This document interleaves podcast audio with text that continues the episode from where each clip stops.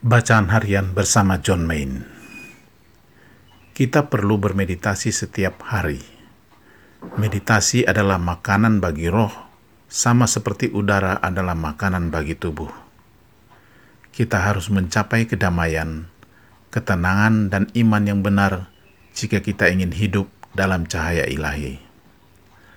Dalam Perjanjian Baru, berulang kali dikatakan bahwa cahaya itu bersinar di dalam hati kita sehingga yang kita butuhkan adalah membuka hati dengan rendah hati dan kasih.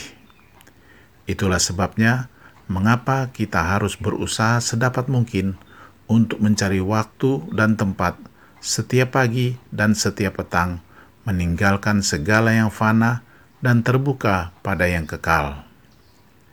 Misteri hidup kita yang paling utama ditemukan bila kita berubah dan menyadari bahwa yang kekal adalah kasih Allah dan Allah tinggal di dalam hati kita.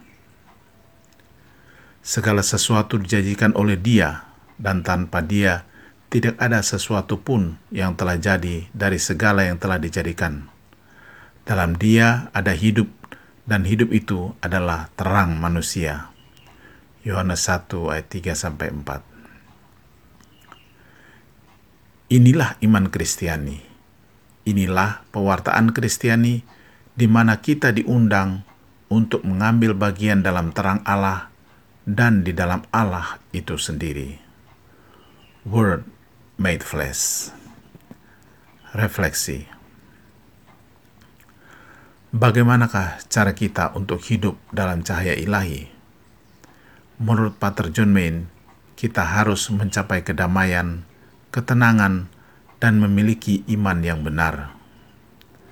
Dalam kitab suci Perjanjian Baru, berulang kali dikatakan bahwa cahaya itu bersinar di dalam hati kita.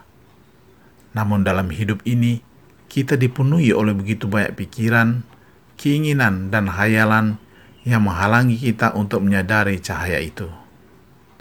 Oleh sebab itu, kita perlu menyisikan waktu setiap hari di pagi dan petang agar kita dapat melepaskan kemelekatan kita pada ego yang menghalangi cahaya itu.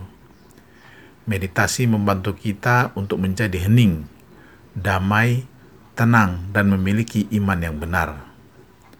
Dalam meditasi, kita membuka hati kita, meninggalkan yang fana, dan terbuka pada yang kekal, yaitu kehadiran kasih Allah.